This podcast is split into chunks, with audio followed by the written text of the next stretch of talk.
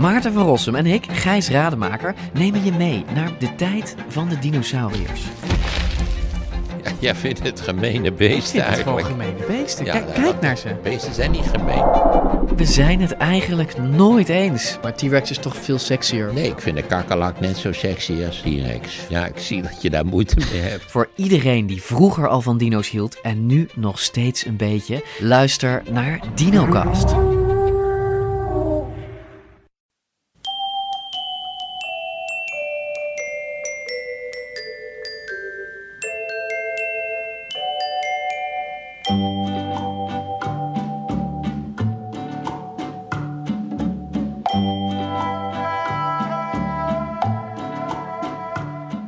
Welkom bij aflevering 69 van de Echt Gebeurd podcast. Te beluisteren via iTunes en via de nieuwe website woord.nl, waar nog veel meer mooie audio op staat.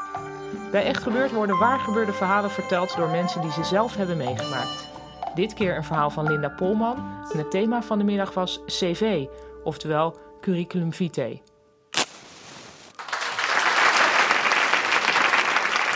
Soms moet een mens een boek schrijven. Dat was, eh, in mijn geval was dat ook zo. Ik had gewoon een contract met een uitgever. En die uitgever die begon een beetje in mijn nek te hijgen... omdat ik het werk steeds maar weer voor me uit bleef, bleef eh, schuiven. En waarom?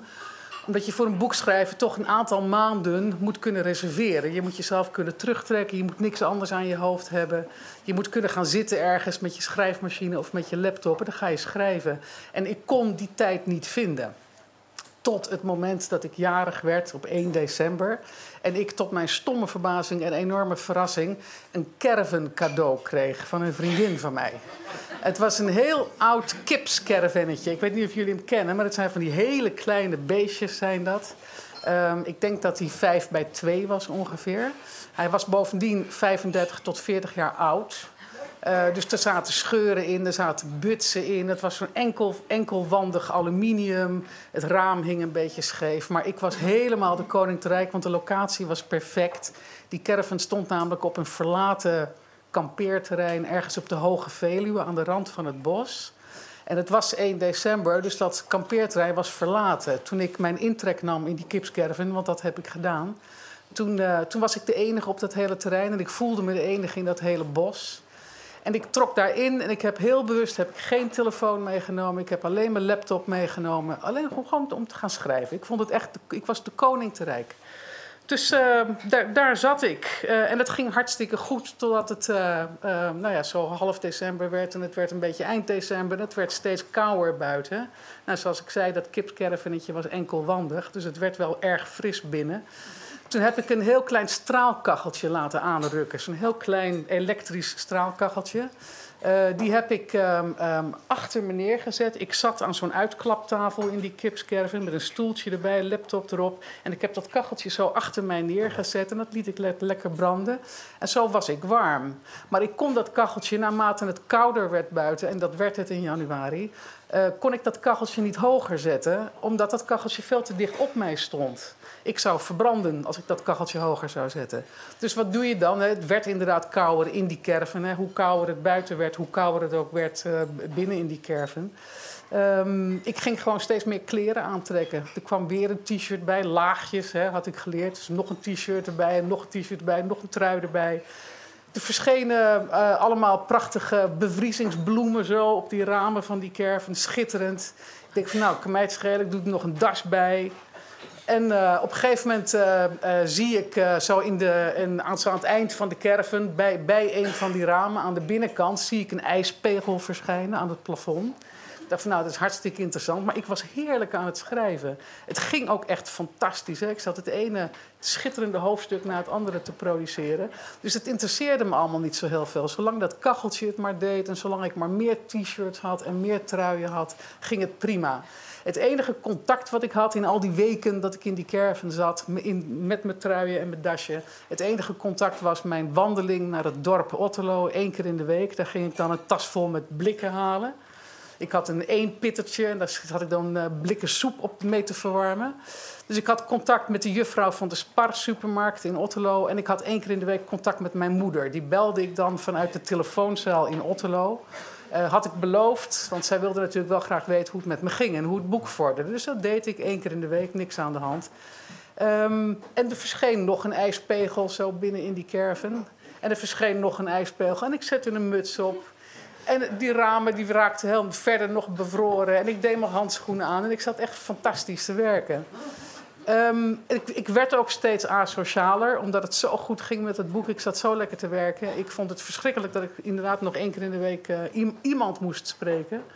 Um, maar um, ja, ik, uh, ik, ik ging lekker. Het was de beste schrijfperiode ooit in mijn, in mijn hele leven. Dat, dat zeg ik nog steeds. in ieder geval is er na, na, na verloop van tijd... Ik zat daar een week of acht, denk ik, in die caravan... Um, um, ik kleedde me ook niet meer uit. Uh, ik ging met al mijn kleren aan, ging ik naar bed s'nachts. En dan stond ik s ochtends vroeg weer met al mijn kleren op. Ik waste me ook niet meer. Dat was niet alleen omdat de waterleiding van die caravan al lang bevroren was. Maar het was ook omdat het gewoon te koud werd. Uh, dus ik, maar het interesseerde me niet, want niemand rook me. Ik zat, daar, ik zat daar toch in mijn eentje. Ik dacht van nou, die paar weken kan wel. Dus ik waste me ook niet meer. Dus ik werd, eigenlijk werd ik wel een beetje merkwaardig. Um, ja, maar dat heb je op dat moment heb je dat helemaal niet in de gaten natuurlijk. Nee. Dus, uh, nou, en ik belde mijn moeder. Ha, ha, ha, zei ik dan. De, de, de, ze hangen nu al vijf pegels aan het plafond. En dan hoorde ik mijn moeder wel iets mompelen van... Hm, hm, hm, maar gaat het goed met, met het boek, kind? Ja, mam, gaat hartstikke goed met het boek. En op een ochtend, het zal toen uh, nou, begin februari zijn geweest... en het was een vrij strenge winter... dus ik denk dat het vooral met name in de, op de Veluwe... daar is het altijd een paar graden kouder dan in de rest van Nederland... ik denk dat het die nacht 15 tot 17 graden gevroren heeft... En ik lag daar in, in dat hele kleine bedje, in die, in die kipskerven, met al mijn truien aan en met mijn sokken aan en met een das om. En ik heb daar uh, geslapen en ik word de volgende ochtend wakker en ik wil mijn hoofd optillen. Komt het hele kussen mee, zat mijn kop aan het kussen vastgevroren. Ik dacht van gunst interessant. Maar het was die dag ook uh, spardag. Dus ik uh, met mijn boodschappentas naar het dorp boodschappen gehaald, mijn moeder gebeld. Ha, ha, ha, mam. Ik word vanochtend wakker, zit ik met mijn kop aan het kussen vastgevroren. En mijn moeder reageerde niet. Die, zei, eh, die vroeg niet eens meer hoe het met het boek ging. Ze hing de telefoon op en ik ging gewoon terug naar die caravan. En ik ben weer gaan, gaan schrijven. En het zal anderhalf uur later zijn geweest, misschien twee uur later, dat ik buiten, ik kon niet meer door de ramen kijken vanwege al die ijsbloemen, maar dat ik buiten knerpende autobanden hoorde op, het, eh, op, op de sneeuw. En uh, even later uh, vliegt uh, de deur van mijn kipscaravan open, staat mijn moeder daar. Die was helemaal met gevaar voor eigen leven, was ze in haar kleine Suzuki, was ze helemaal vanuit Amstelveen naar Otterlo komen rijden. En ze stapt die caravan binnen, ze zegt, zo, kom eens even kijken wat er hier aan de hand is. En ze stapt die caravan binnen en ze kijkt om zich heen en ze ziet die ijspegels, ze telt ook die ijspegels. En het waren er een stuk of tien op dat moment. En ze gaat verder die caravan inspecteren. En ze zegt, ja, zegt ze, dat dacht ik al. Alle ventilatiegaten in die caravan, die zaten grote klonten ijs op. Er werd niet meer geventileerd daarbinnen. Ze zegt, nou begrijp ik wat ik in jouw stem hoorde door de telefoon. Zegt je bent gewoon gek aan het worden door zuurstofgebrek. ja, ze zegt laptop inpakken, we gaan naar huis. En ik hoorde in haar stem dat protesteren geen zin had. Ik heb mijn laptop gepakt, we hebben die caravan op slot gedraaid. En ze heeft me meegenomen naar Amstelveen. En uh, daar bleek ik een longontsteking te hebben. En ik, ja, ja, het is allemaal heel erg. Daar bleek ik een longontsteking te hebben. En bovendien had ik brandplekken op mijn rug. Toch van die kachel, hè? Ja. Dus ik, ik, was inderdaad gewoon niet goed bij mijn hoofd geweest. Maar ook toen ik wel weer zuurstof kreeg, ik kon wel zien dat ik een ontzettend goed boek aan het schrijven was. Ja, dat, ja, dat was gewoon zo. Ja, je kan, je kan, kan bescheiden doen, maar het was gewoon een heel goed boek. Um, nou goed, het is dus al met al, is dat, we zijn in de lente zijn we teruggegaan naar die caravan. Toen waren die, die pegels, die waren, inmiddels, uh, die waren inmiddels ontdooid. We hebben die caravans schoongemaakt. Ik heb er nog een jaartje plezier van gehad. En uh, dat boek is verschenen en uh, kreeg inderdaad uh, fraaie recensies. En waarom dat verhaal bij mij weer terugkwam, dat is omdat die ontzettend dappere moeder van mij, met de Suzuki helemaal de, de Veluwe op, mijn dappere moeder is vorige maand overleden. Ja. En behalve dat dat om allerlei redenen natuurlijk verschrikkelijk is, hè, dat je je moeder verliest. Het is ook nog zo dat ik toch wel heel erg geconfronteerd werd met de gedachte van ja, maar mijn moeder heeft in de tijd heeft ze door de telefoon gehoord dat het gewoon niet goed ging met me. En als ik mij nu weer zou opsluiten in een een of andere caravan... en ik zou weer gek worden van uh, zuurstofgebrek... of ik ben weer aan het bevriezen... dan is er niemand meer die dat zal herkennen. En waarschijnlijk ga ik dan ook gewoon inderdaad dood... als een een of andere rare oude bosheks in zo'n verlaten caravan. Dus dat heeft vrij grote consequenties voor mijn volgende boek. Ik denk dat ik dat, uh, dat volgende boek dan toch maar thuis ga schrijven. Dank u wel.